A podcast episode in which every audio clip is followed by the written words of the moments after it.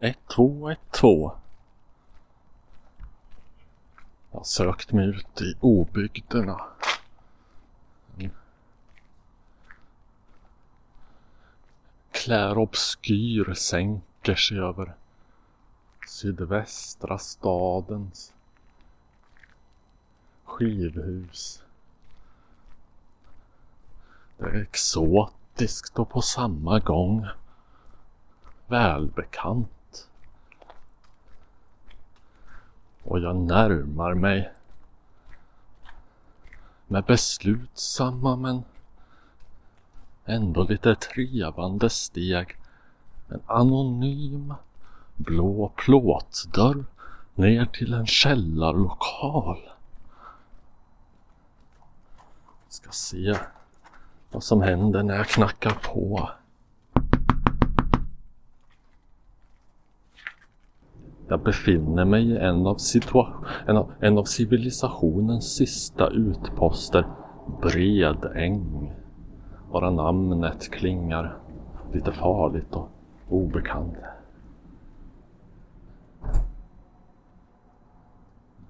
Här bortom finns mest terra incognita såsom Botkyrka och Huddinge. Inget svar på dörren.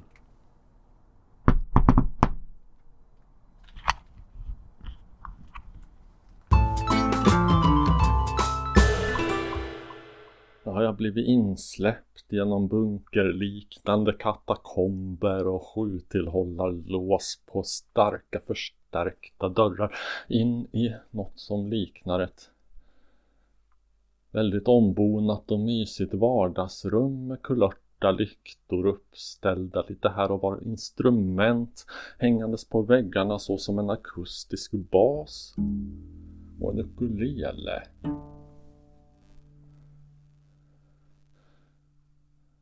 Böcker och skivor och framförallt kassettband på kassettband står uppställda i hyllor. Var är jag någonstans? Ska vi kanske snart få bli varse.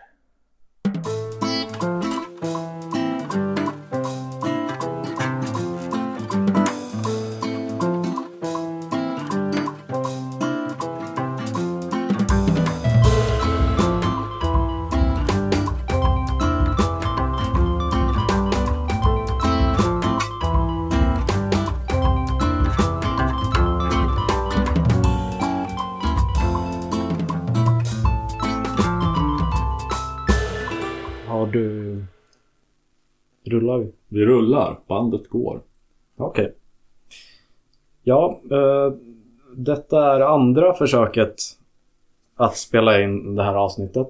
Eh, podden, jag behöver nog inte säga namnet på podden för de vet nog det redan. Nej, det är Musikens Makt. Mm. Eh, ja, avsnitt spelar ingen, avsnittsnummer spelar ingen roll. Nej, det är väldigt... Har ni tagit namnet från den välkända tidskriften? Jo, Stämmer. precis. Tänkte det var dags att någon approprierade. Mm, ja, det var någon musik, så här feministisk musikfestival festival i Norrland. Tror jag. Som hade tagit det innan oss. Så. Så vi är tre på bollen. Mm. Men man skäms ju lite när man säger, eller så var det igår när jag var hemma hos en kompis och eh, hennes rumskompis Thea eh, vill om podden och då sa jag att ja, den heter Musikens makt. Eh, man kan ju tro att vi ska ha väldigt mycket progg och sånt men eh, Ja. och hon undrar ja, varför, varför kan man tro det? Eh, Jaha. Det är inte Jag har en- allmän gods liksom. Ja, jag vet inte. Jag trodde det tydligen inte. nej. Det är mycket man tror allmänbildning som inte är. Man blir mer och mer David Liljemark för varje dag som går. Ja.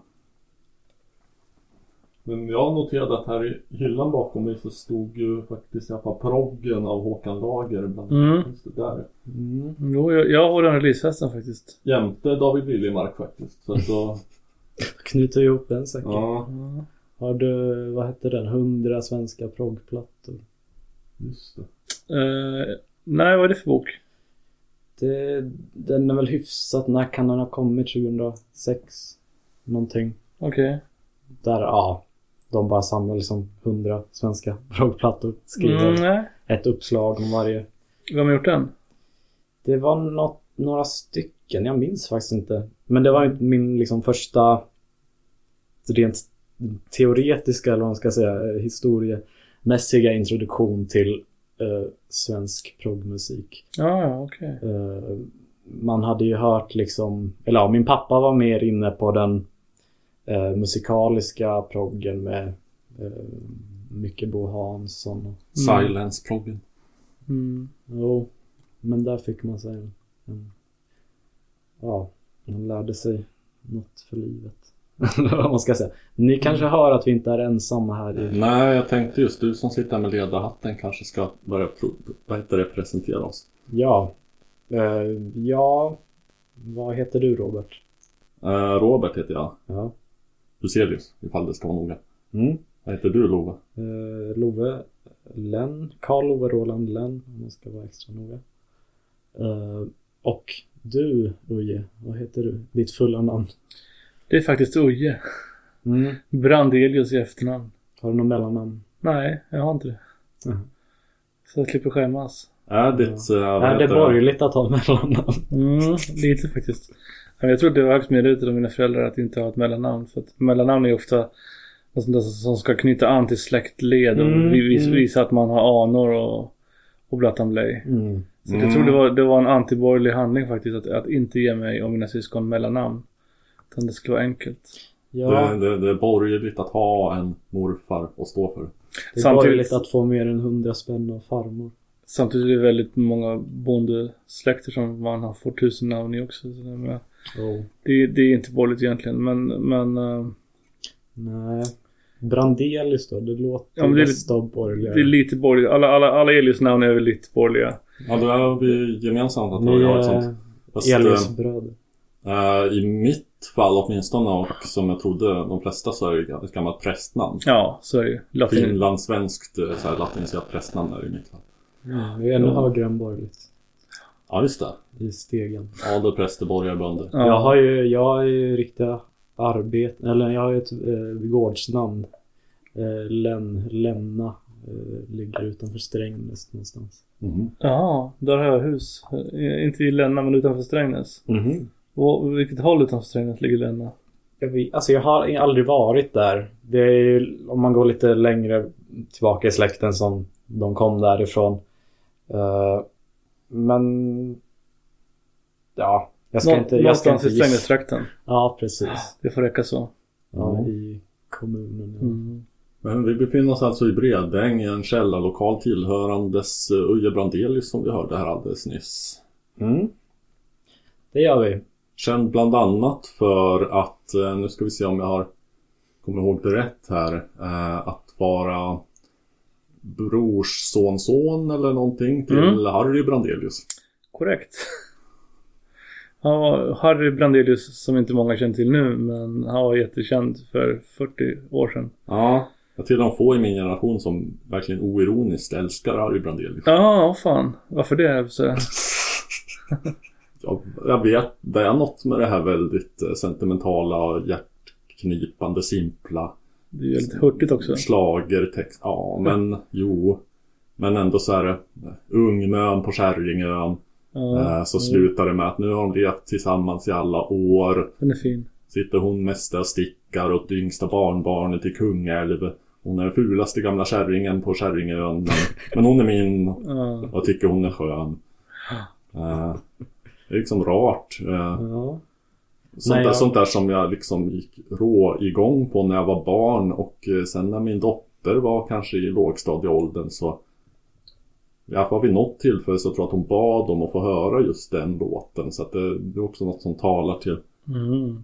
till det sentimentala barnet i en viss ålder. Liksom. Den allra fulaste gamla kärring som någonsin funnits på Kärringö Ja, hon är min hon, men hon är blåögd och tänk, jag tycker att hon är skön För när man levat ett liv ihop och är sammanbunden med sjömansknop och man har grälat Om man har trälat då är det skönt med kärlekens lön Ja. När jag, när jag berättade för min farmor när hon hade födelsedagskalas några veckor sedan att skulle ha Uje Brandelius som gäst.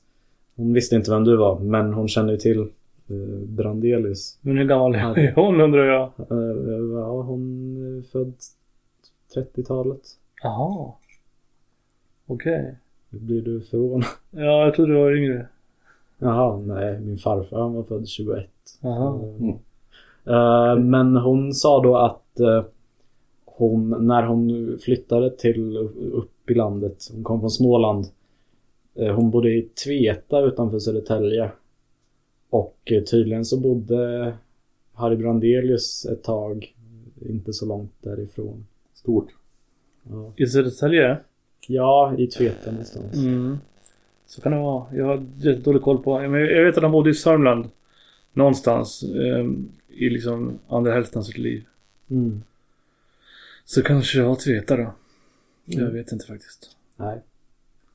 Men eh, vi kanske ska gå in på varför, ja, det finns ju mer eh, musikrelaterade saker. Ja, inte bara för att prata om Harry Brandelius.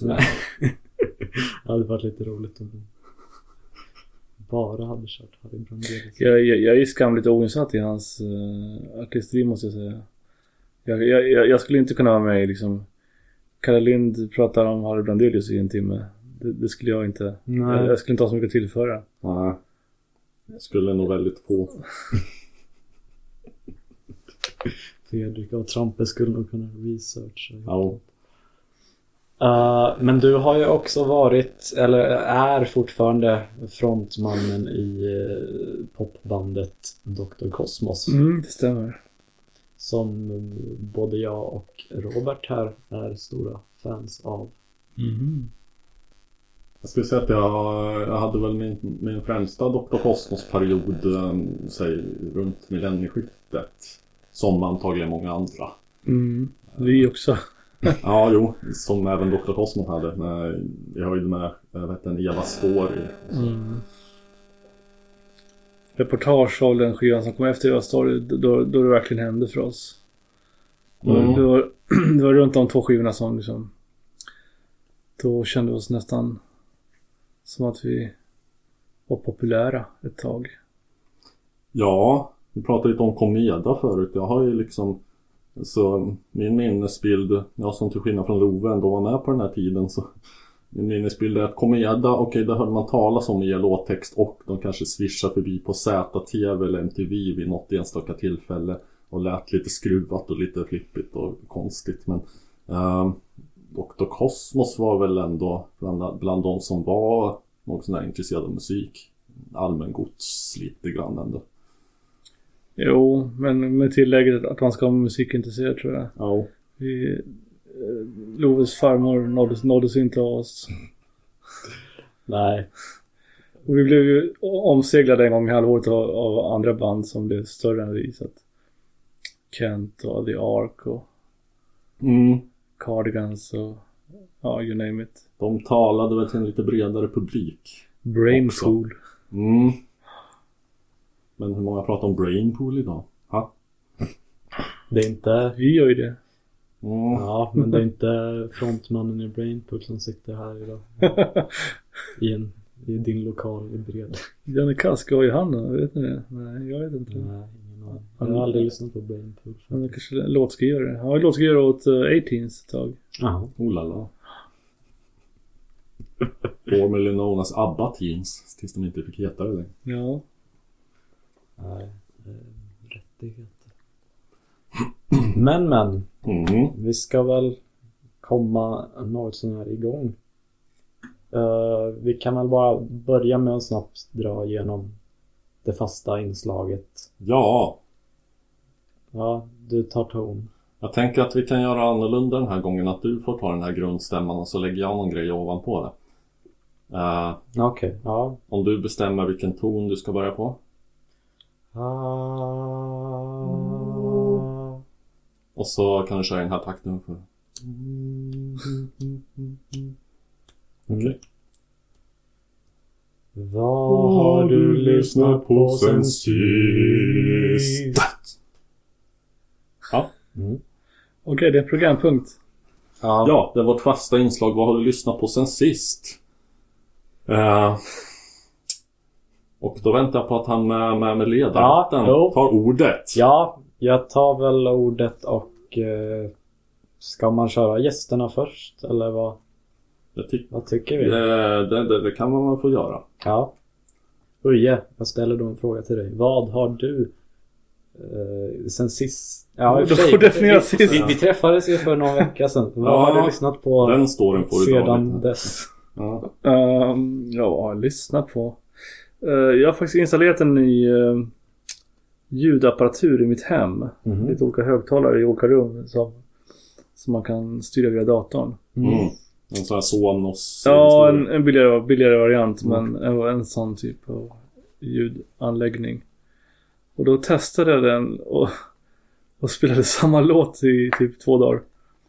Mhm. Uh, den här Hammond Song av The Roaches. Eh, jag vet om, inte om ni har hört den, men den är fantastiskt vacker. Ja. Då, Eh, då kan ni spela. Men den kan vi få höra lite här. Nu kom, jag får klippa in efteråt på Mm, grund av ja. saker. Men vi kan... Vänta, nu har du väldigt hög volym. Vi kanske Ja. att den är tyst i början och sen... Ja, För du ställde in... ja, ja. ja. Vi får se.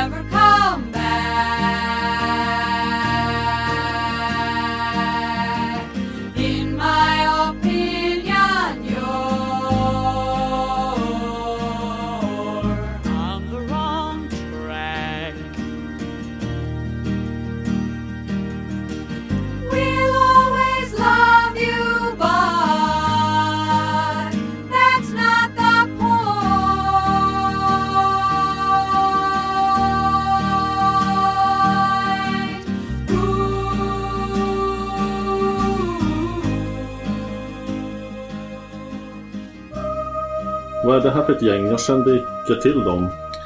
Nej, jag vet inte jättemycket om dem. Jag, jag tycker att det, den här låten är deras bästa låt. Sen har de massa andra låtar som inte är lika bra tycker jag. Ja. Det, det är tre systrar som Mm. heter Roach i efternamn. Så därför heter de The Roaches. Eh, och de uh, höll på 60, 70, 80-tal kanske. ja, min Intel här säger mig att det här är från 79. Mm. Jag hade nästan eh, först vid, vid första åhörandet trott att det var någon sån folk... Eh, alltså... Vad Jag ska man tänkte säga? att det var Nio, tidigt nio, 2000-tal. inte nio folk men ja, jo. Den, den Ja. andra, andra folk-revival-grejen på, på säg 00-talet. Ja, du, du tänker First Aid Kit? Eller? Fleet. Foxes. Ja, och såna här, jag vet inte, Cat Power och allt vad det heter. Ja, jag förstår. Nej, men det här är...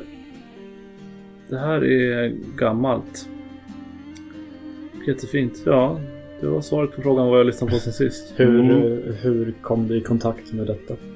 Alltså det här var en låt som var ganska stor i, i indiekretsar på 90-talet. Mhm. För att, eh, ja... På många skäl tror jag. Eh, dels så var det lite DIY-känsla på det. Som, som älskades av den scenen. Mm. Dels så var det tre tjejer som sjöng, vilket gav det hela en feministisk Mm. touch. Dels är det en fruktansvärt bra låt. Ja. Och, och, och, och lite så här... uh, Quiet is the new loud. Just det. Alltså den är väldigt sparsmakat arrangerad. Det, det, det är liksom akustisk gitarr och, och stämsång liksom. Mm. Och så lite Hammond-orgel i bakgrunden. Så den passade väl in i en estetik som jag tror omfamnades av väldigt många Mm. eh, i indievågen på i slutet av 90-talet skulle jag säga. Ja, ja, men det kan jag verkligen.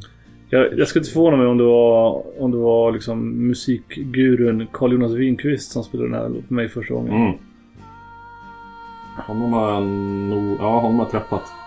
Uh, Diskjockat ihop med ett par gånger. Vi var radiokollegor på Kaleidoskop i P2. för Mm.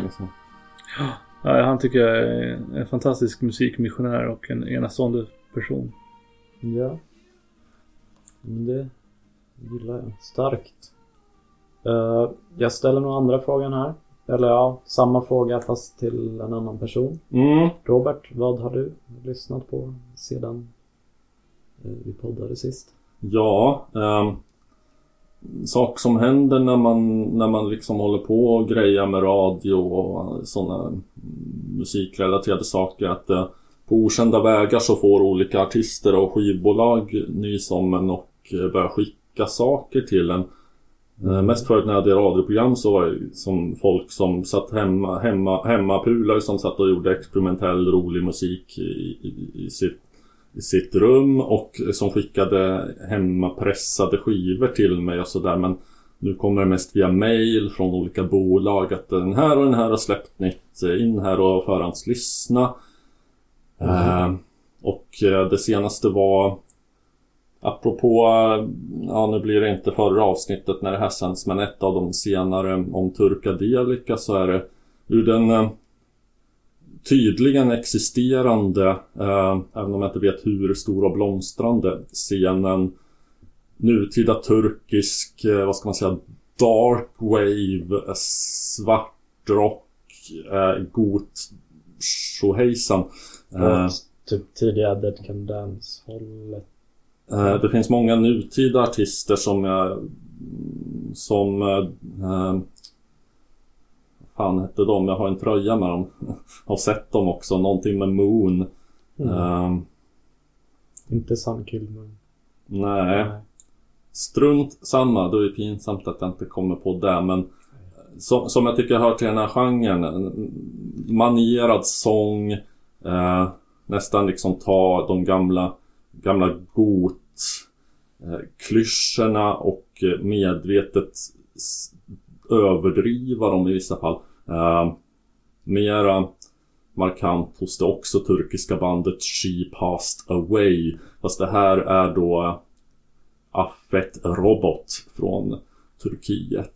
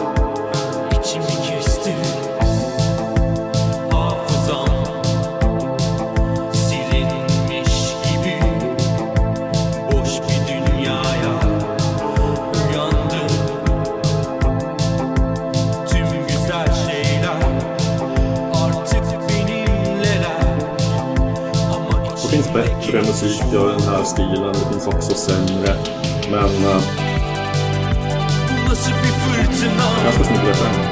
Yüreğim ağzımda Patladı patlayacak sanki Bu nasıl bir fırtına Yerin altında Gizli bir volkan sanki Men det, det, det är liksom... Är du, är du nere med turkisk musik? Han har ju myntat begreppet turkadelika. Jaha. Ja, ja jag, jag, jag är ganska så... Jag har varit ganska så insnöad på uh, turkiskt 60-70-tal. Uh, Okej. Diskjockar och sånt ibland. Ja, jag har sett du, du, du har varit på arrangemang med Turkadelika. Är, är du som står bakom det eller? Eh, Det är för det mesta så att jag är, eller det är alltid så att jag är med på det på ett hörn i alla fall. Okej. Ja. Jag gillar det här. Vad Mm. hette låten? Lät jättebra tycker jag. Furtuna heter den. Fortuna. Det betyder Fortuna. Det vet jag inte om det gör. Ja. Så pass... eh, bra är jag inte på turkiska ännu. Mm, men det, det, det, det är bara roligt att det finns uppenbarligen en turkisk, vad ska man säga, dark wave eh, scen eller vad man ska kalla genren utan att få på, på nöten av det hardcore-fansen. Mm. Ja, nej, men det är habil musik. Mm. Snyggt. eh, Ja, allt. Eh, Sången förstår jag ju inte. Men Nej, det kanske adderar någonting till upplevelsen. antagligen. Ja, Eh, Då bollar jag vidare stafettpinnen till min kollega Love och ställer frågan Vad har du lyssnat på sen sist? Eh, jag har lite åter... eh, ja, jag kommer tillbaka till en gammal uh, liveinspelning jag gjorde av en, en konsert. Eh, jag kan berätta lite mer om det eh, efter vi har spelat en bit av låten. Mm, för att den låter ju då så här va? Det var den du skickade till mig. jo.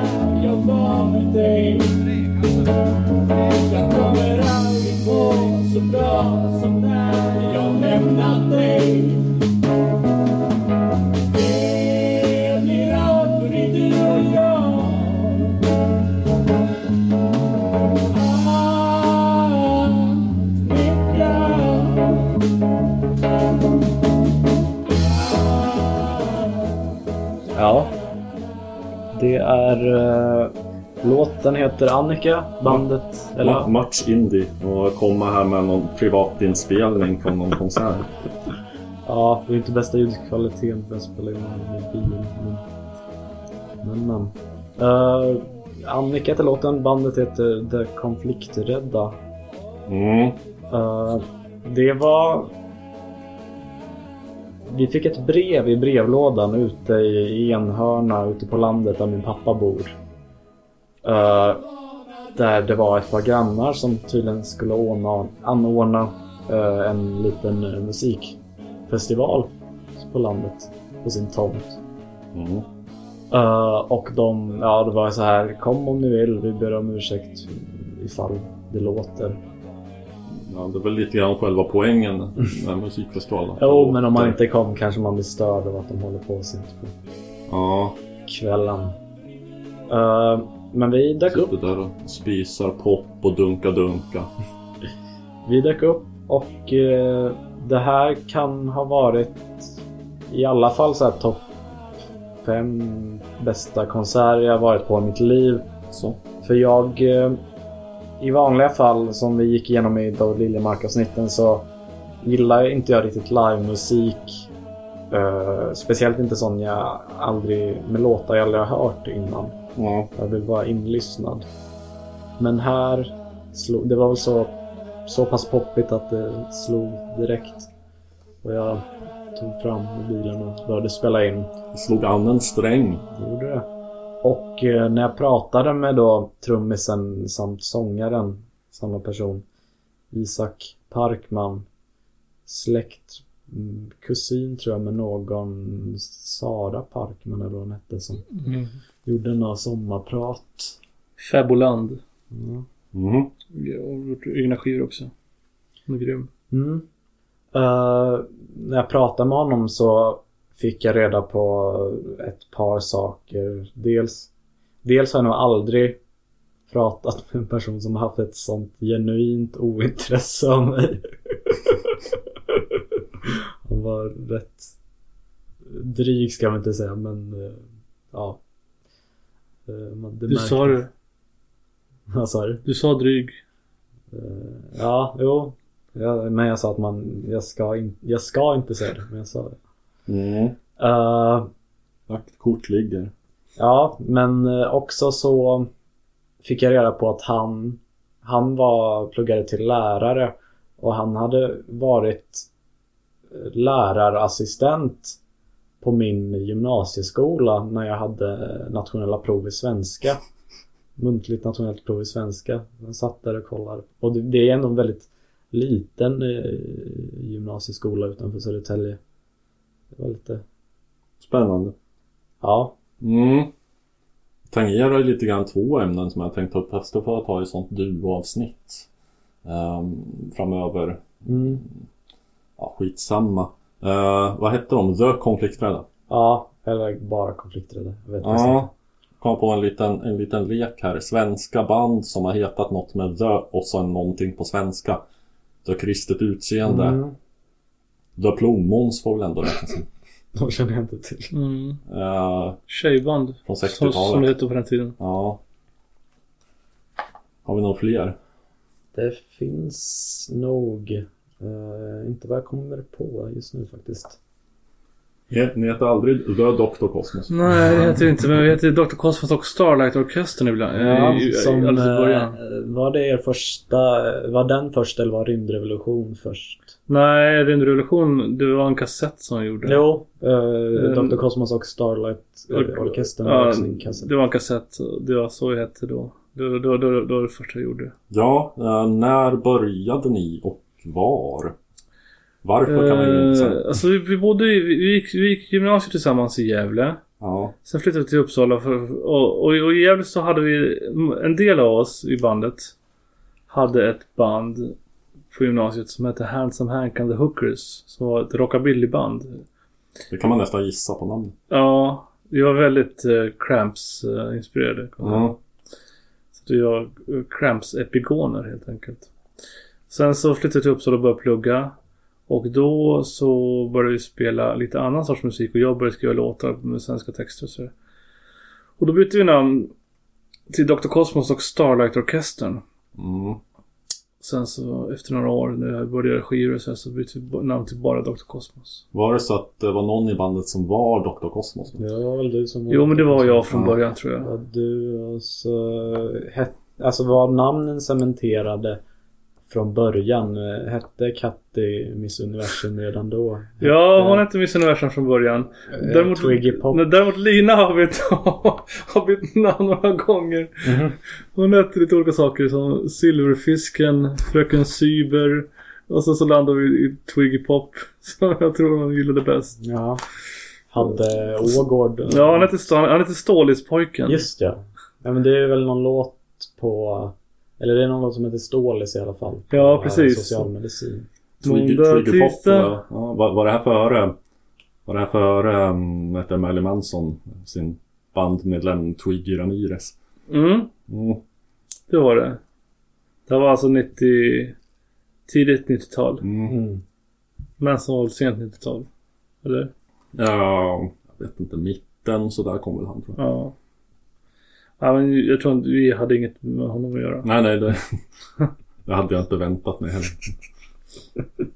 Ja, det hade varit en överraskning. Jag skickade ju en bild till Robert förut på en bit av omslaget till Evas story. Just det.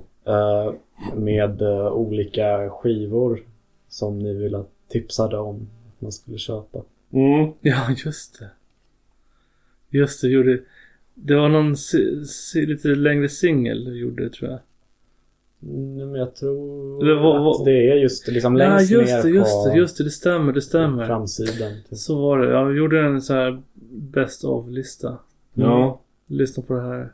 Jag blev lite överraskad att ni hade med en Robert eh, Wyatt skiva där.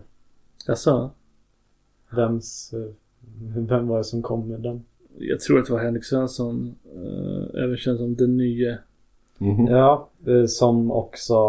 eh, Vi hade ju en, en eh, historia som Robert berättade i andra avsnittet med David Liljemark om jag inte missminner mig. Eh, där Robert berättade om en konsertupplevelse Eh, som låg eh, ungefär där eh, Olof Palme blev skjuten Jo, eh, med ett band som heter, fint tillsammans. ja, Ja, men okej, då, då var kanske den här klubben... eh, Vad fan hette den? Ja, men det låg där nere om man går ner. Mm, jag vet. T-banan här på lite. Jag vet precis. Mm. Det var ett ganska omysigt ställe, vill jag minnas. Men Ja, det var vad fan hette de inte? en Nej, det var inte, det var inte Sandy and the Clowns. Det var, Ingen någon, aning. det var en annan klubb. Ja. Jag tror vi spelade det också. men Henrik Svensson, Ja, visst var han med i Fint tillsammans? absolut. Okej. Det var... Ja. Ja, nej men eh, Dr. Cosmos. Eh, de här... Eh, vad, s- vad, vad vill jag komma till? Vilka var med i början? Va- Det Mm. var... Uje Brandelius, Ja. Lina Sälleby, Katti Larsson hette hon då. Mm, Sen gifte hon sig med mig. Nu heter hon Brandelius. mm, Eh, fast vi är skilda. jo. Och sen så var det Martin Ågård. Och sen så var det Henke Högberg. Som var trummisen i Hands... Ja, det var han som var Handsome Hank. Ja, okej. I Handsome Hank and Hookers. Men han var med i eh, en eller två skivor. Sen hoppade han av och så fick vi en ny Henke, Henke Svensson som trummis. Bra ersättare. Ja. Vad har han, eh, Handsome Hank, gjort sedan dess? Han kör lite faktiskt, lite rockabilly. Mm. I ett band som jag har glömt bort vad de heter nu men han... eh, Han håller på lite i samma... Samma genre faktiskt. Ja. Som han- ja. Steget från Cramps till Dr. Cosmos som vi känner honom känns ju ganska långt ändå. Både och alltså. Det, det här teatrala, liksom, de ska komma ihåg att i början så var vi ju väldigt så här rymdorienterade. Jag, jag, jag, hade en liten synt som jag hade byggt ett stativ till så jag kunde ha den på magen. Och så hade jag en lång, lång mantel gjord av sammet. Mm. Eh, och Katolina hade någon sorts diadem med så här ry- rymdbollar på. Så att, menar, vi var lite såhär The Spotniks Just det. Alltså det fanns, det fanns någonting 50 till 60-tals flörtigt med oss ändå. Så att steget från Cramps är inte, det är inte jätte, jättelångt. Men det, var, men det var absolut inte vår främsta inspirationskälla. Det, det, Nej, det, i början var det väl snarare Violent Femmes. Ja, precis. Violent Femmes älskade ju vi. Eller jag och Martin i alla fall. Jo, hela soundet på liksom de här kassetterna och Ja. kanske socialmedicin var ju väldigt... Ja. Ja, kanske vi ska köra lite Violet Femmes för att eh, lyssnaren ska, ska begripa vad det är, vi, vad, vad det, är det handlar om. Har, har du någon särskild låt som är... Ja, alltså, Representativ herregud, du kan välja vilken som helst ifrån första skivan. Men, Ja, men, men... Liston Sun är ju mest känd. Ja, Blissing Sun är, är en hit. Men alltså jag tycker ju Gone Daddy Gone är fantastisk. Jag tycker... ehm, Kanske kör på en... good feeling, good feeling är så jävla Okej, bra. good feeling. Ja, Ja, vi vill inte köra hitten. nej. För Vi, eh, där har vi den. Och Ja, de, good feeling är i och för sig en ballad och det, det kanske, man kanske inte hör riktigt att, att vi är inspirerade av Nej, då, då struntar vi i den. Då kör Gone vi Daddy. Gone Daddy Gone. Så där låter den.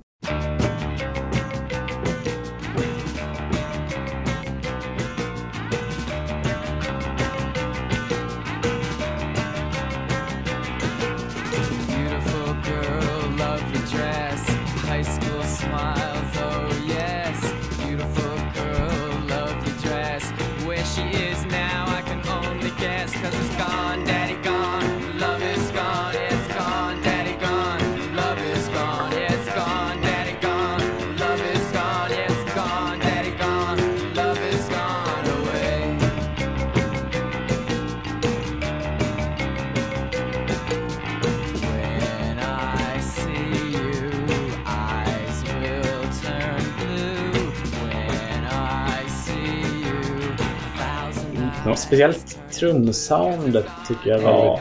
väldigt likt. Och eh, liksom akustiska gitarrerna. Ja, Jag tycker att eh, jag känner ju igen Eh, det här som är lite lekfullt, musikaliskt lekfulla och quirky. Däremot så verkar de ju inte ha jättemycket Dr. Cosmos i sig när det gäller sången och humorn och texten. Nej men alltså vi, vi Dr. Cosmos har ju alltid varit en hybrid mellan massa olika musiksmaker. Så Ja. vi, vi tycker väldigt olika om musik i bandet. Eh, eller väldigt ska jag säga. Men jo men vi har liksom våra käpphästar och, och, och våra älsklingar så där, som tillsammans... Alltså... Det, vi, vi har ju New Wave-grejen med, med Talking Heads och The Smiths och Mm. liksom... och den, den, den prylen. Som, och ja, det här är också New Wave i någon mening liksom. Ja. Eh. Talking Heads kan jag verkligen tänka mig att det, det, det här lite spackat. Ja, precis. Jo, speciellt tänkte jag det med en av singlarna från den nya plattan.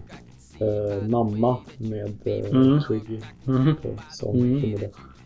Eh, den kändes väldigt, kanske lite mer melodisk men det var någonting med rytmerna. Den är ju väldigt afro. Jo, Det är jo. väldigt kul. Det var vår producent Marcus Holmberg som löpte amok och gjorde en total afro. Mm, jo men de var ju rätt så kring eh, Remaining Light och kanske Sina också. Ja, jo precis, precis.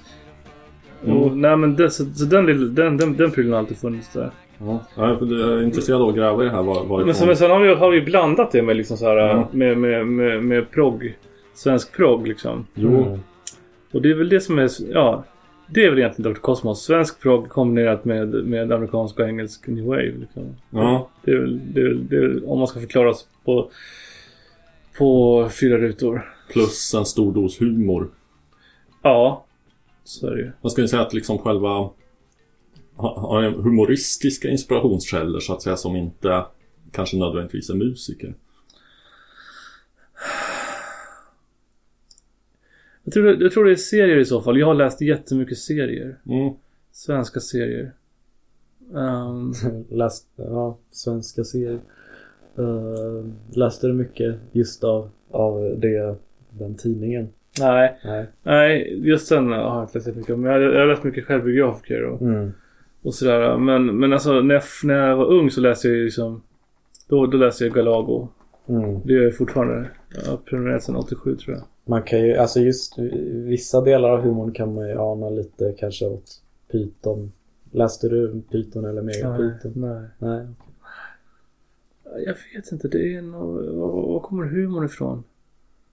Det är ju bara den, här grejen också att man ställer sig på en scen och så säger man någonting väldigt, väldigt tydligt och explicit. Som man nästan inte törs göra och då blir det lite kul. Mm.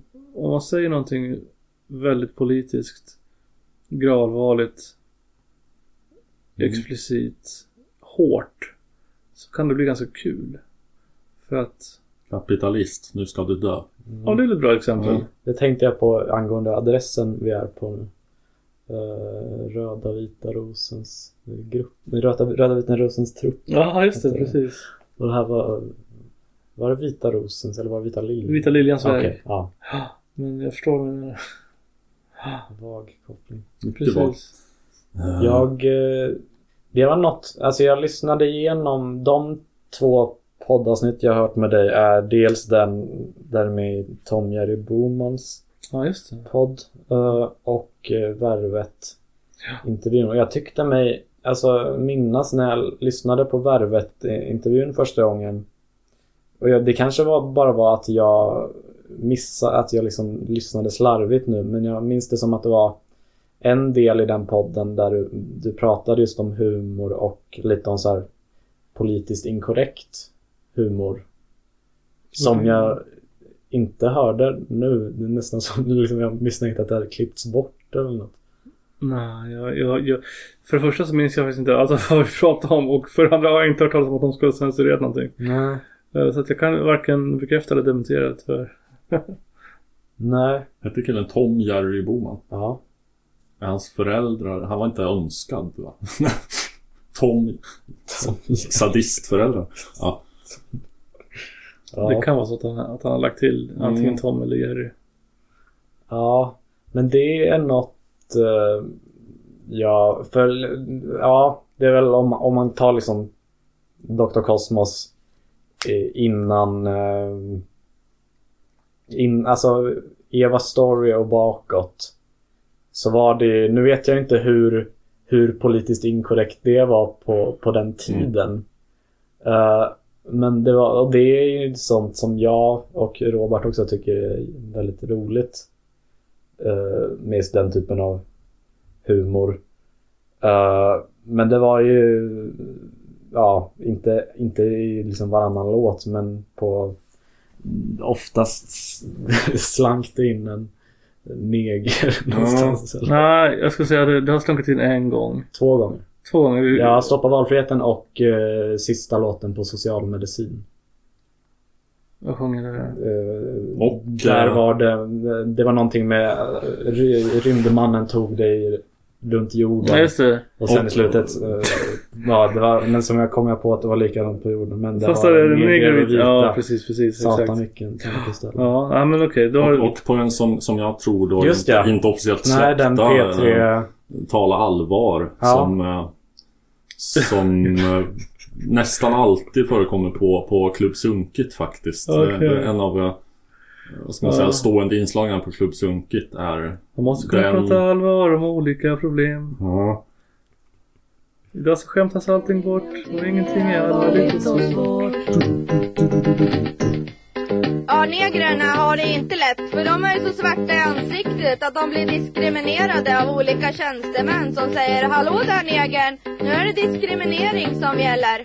Och om en neger till exempel vill gå ut och dansa på negerklubb, då kanske det är en diskriminerare som sitter i dörren. Och då blir det liv i luckan, för det är ju klart att ingen vill bli diskriminerad, inte ens en neger. Och om negern vill ha ett jobb som till exempel bananförsäljare, ja då måste han vara dubbelt så duktig på bananförsäljning som en vit. Och hur lätt är det? Om kanske den vita har tränat på bananförsäljning, för han har haft råd att gå speciella kurser.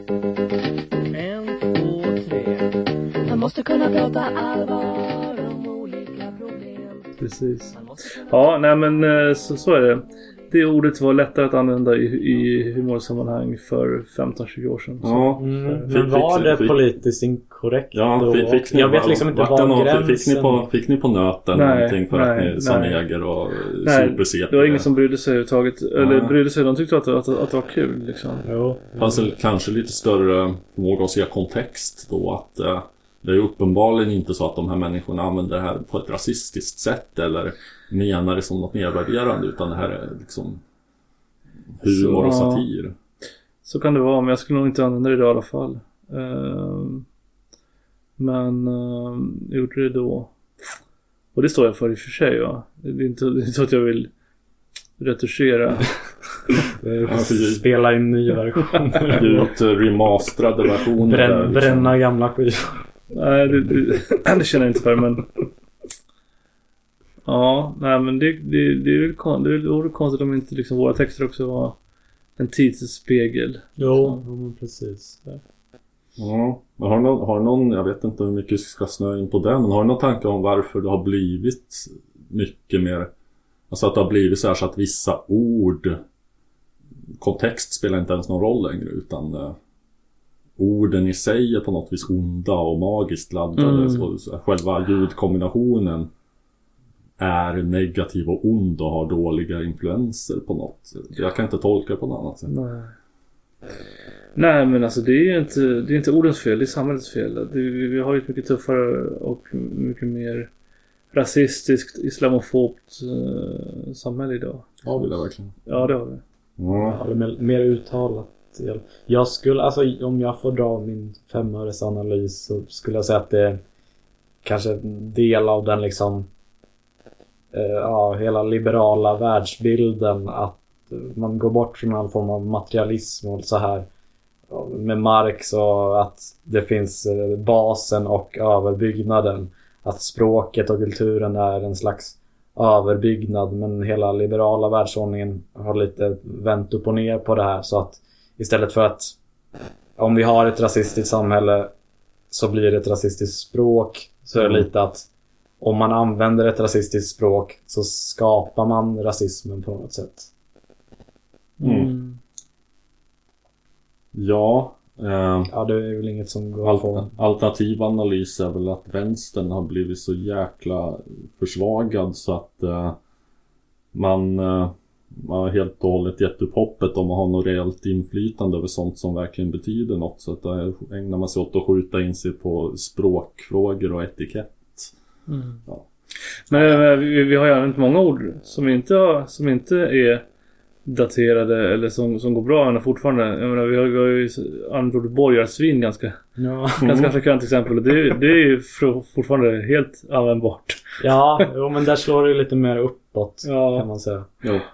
Och eh, ja, super-CP. Det, det är alltså det, det är inte på samma nivå som n-ordet. Nej. Eh, Men, men absolut att, att det är lite roligt.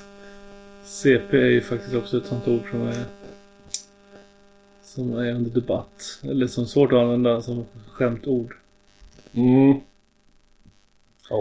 Men jag menar, du, du, du, jag tror det beror fortfarande på kontext. Jag menar, ta en, Mm. ta en stor komiker som Simon Gärdenfors. Han kan säga vad, Ja. fan, vad fan han vill Jo, liksom. precis.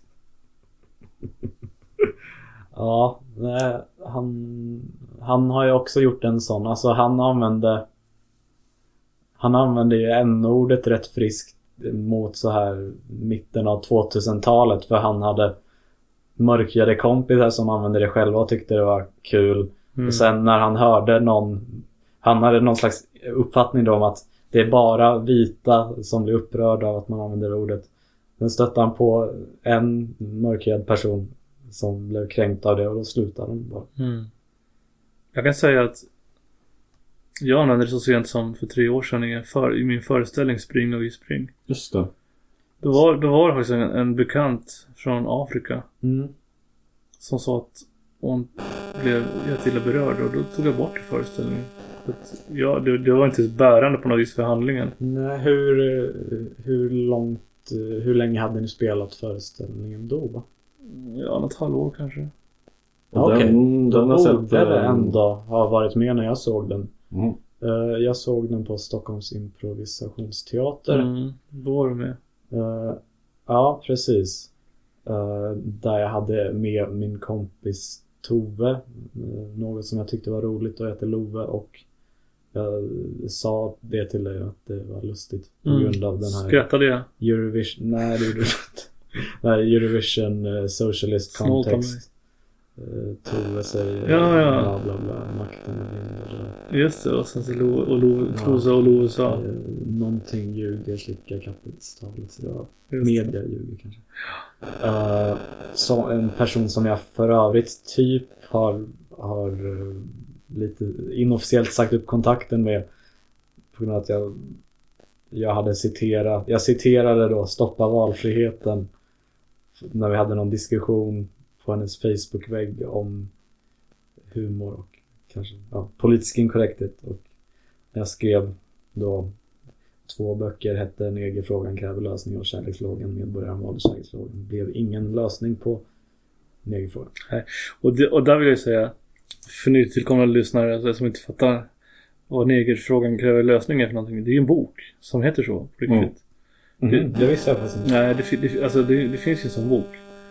Uh, för negerfrågan var ju någonting som man på 50-talet i Sverige diskuterade med just det ordet. Mhm.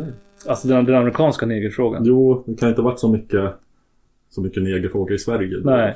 Men, men, men i, i, i Sverige så diskuterar man negerfrågan utifrån, utifrån aspekten alltså att de svartas alltså medborgarrättsrörelsen. Alltså man, man, man, man hejar ju på, Mm. på dem men man kallar dem ändå för det. Ja. Mm. Jo. Jo, Ja. men där kan man ändå dra en tydlig linje att då var det fullt accep- Då var det inte politiskt inkorrekt att, att säga det. Nej. Men okej, det var en, en faktisk bok som... Man kan nog googla det. Jag ska inte svära men det kan vara Det kan vara någon Myrdal som har skrivit den. Kanske, kanske, kanske Gunnar. Skulle Mm. inte förvåna mig. På Ja, tal om, på tal om. Myrdal har, har ju ni en låt Ja, just det. som heter Mm. eh, Jan Myrdals syn på döden. Mm. Har du hört den Robert? Det tror jag inte att jag har. Kanske jag kan göra nu om jag lyckas Ja, hitta den. kan lyssna. Snutt av den. Ja, den är fin. Från ett enkelt svar. Precis. En skiva som jag... 2000. eh, väldigt vacker gitarrslinga i början. här. Det var... Ja. Min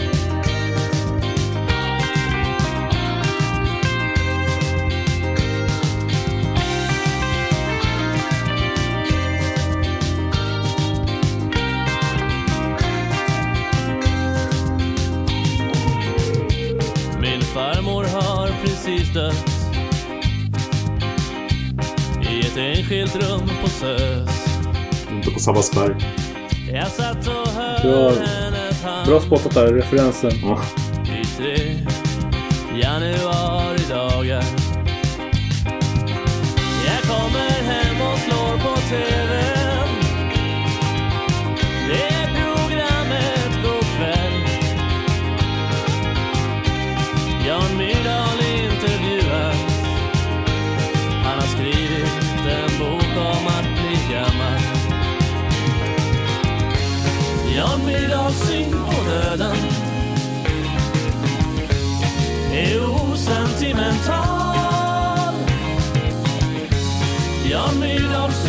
Döden baseras på förnuft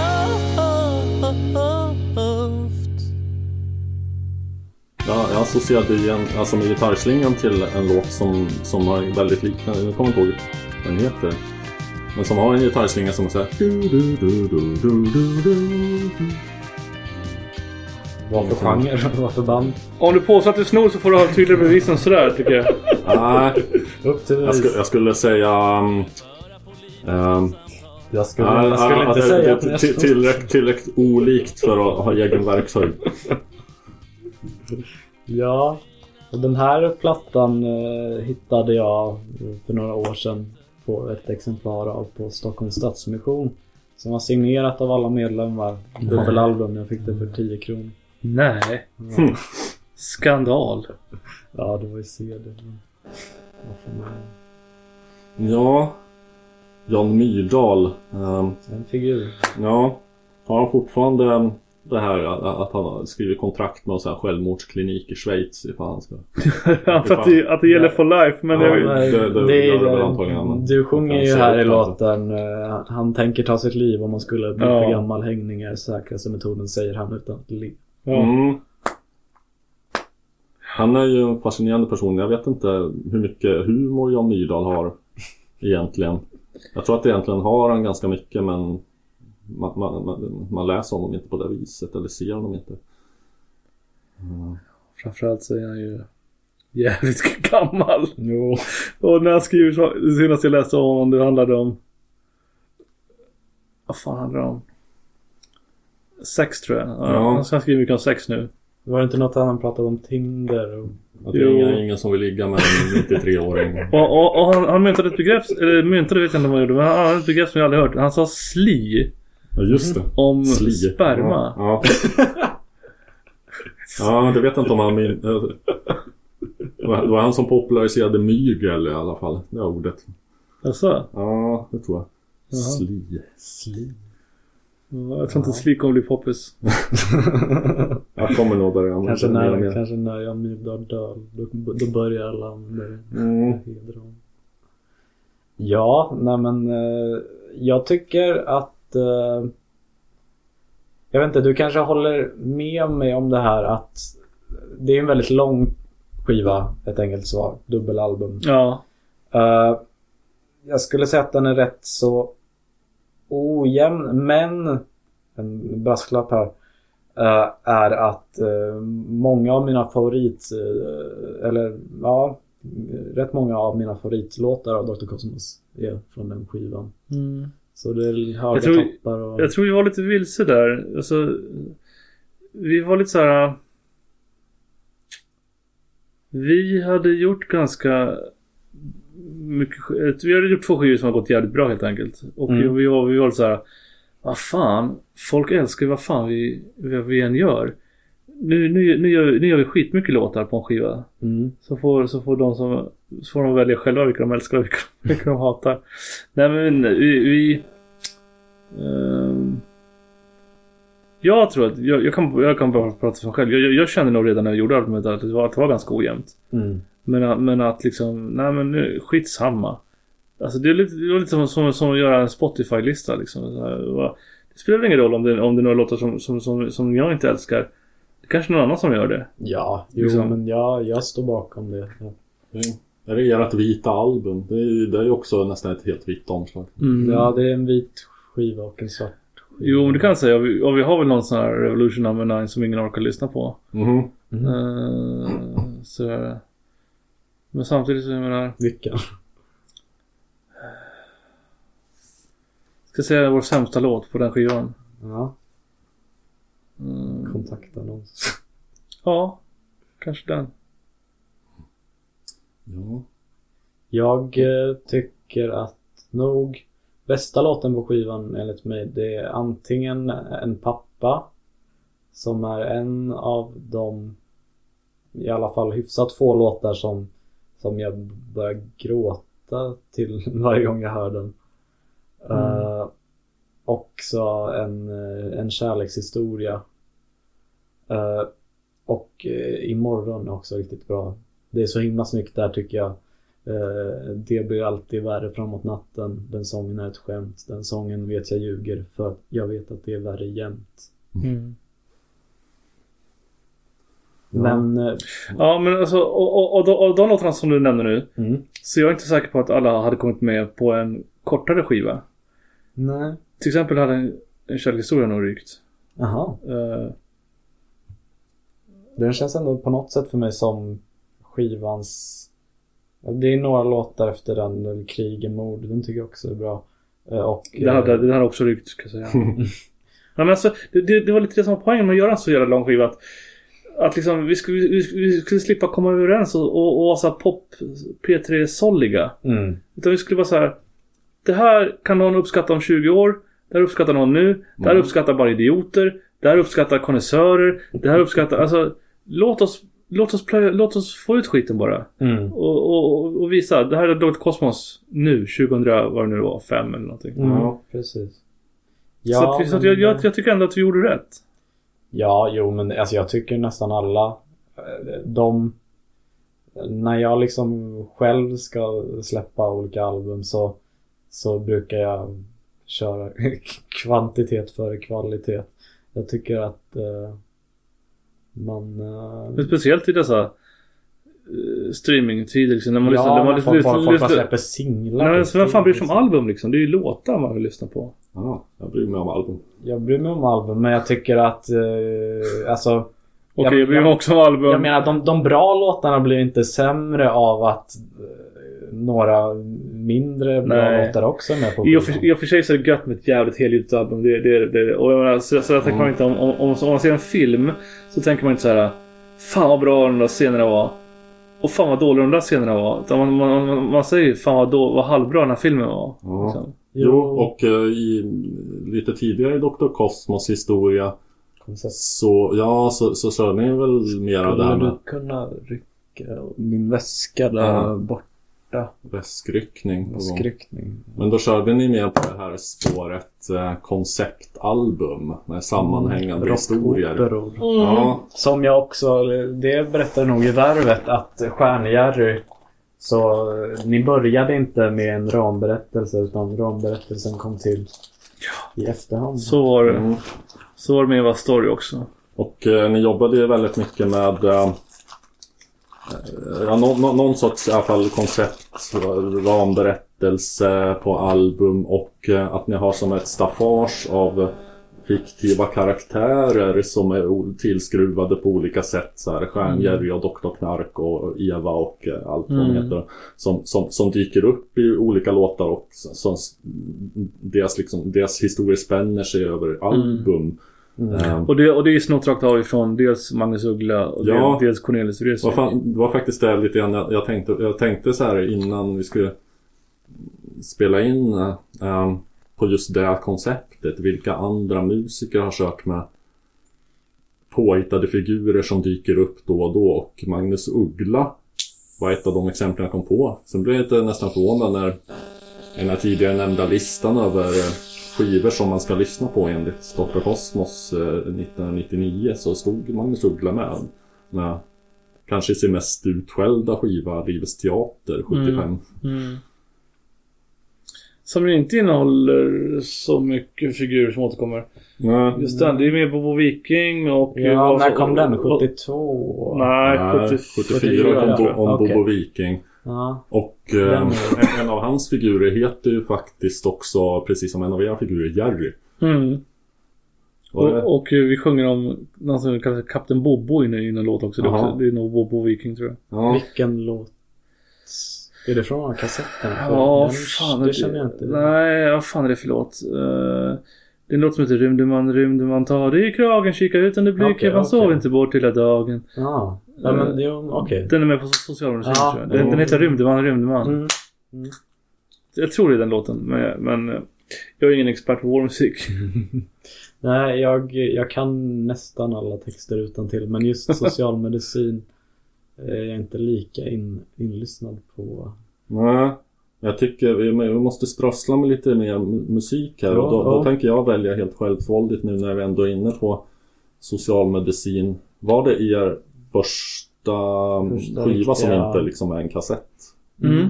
Ja, Det var det. 95 och den, det, då, då väljer jag helt självsvåldigt den här som jag tycker är väldigt fin. From do gonna be funky. Yeah, yeah, yeah.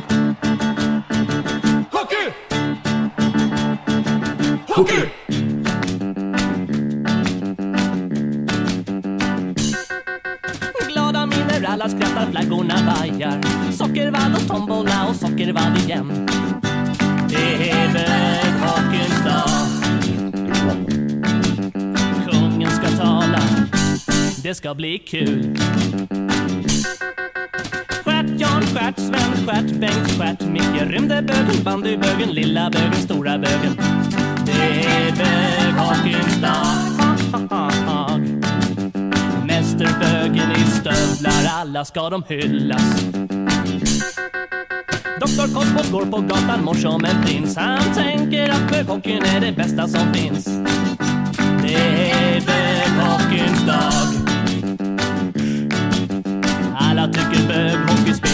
är världens bästa killar de är vidsynta och toleranta, intellektuella Vågar visa sina känslor, gråt är inte sällsynt Det är böghockeyns dag Men det, det som är väldigt mycket i, i alla fall tidigare Dr. Cosmos, här hör man ju så här.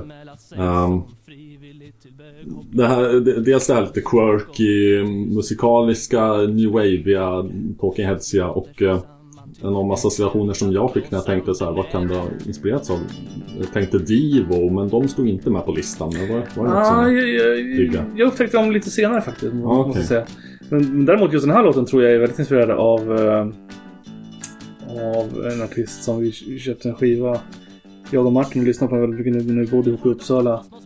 Ehm, eh, Holy Cow hette skivan. och Alain Toussaint har skrivit mycket av låtarna. Mhm. Eh, och artisten hette ju så mycket som... Uh, alltså det var en solo-artist. Mhm. Vad fan hette han nu då? Ska se om jag lyckas hitta det Jag här. att du spisade den skivan jätte, jättemycket. Hette den Holy Cow? Ja. Ja, och här bryter Robert av helt abrupt och säger att Vill ni veta vad det var för en låt och eh, artist som, som Uje associerade till och som böghockeyns dag var influerad av så får ni helt enkelt vänta tills nästa avsnitt av Musikens makt. Fram till dess så kan ni ju gilla oss på The Facebook och sprida ordet och sånt där. Och så, ja, mm, så hörs vi sen. Bye!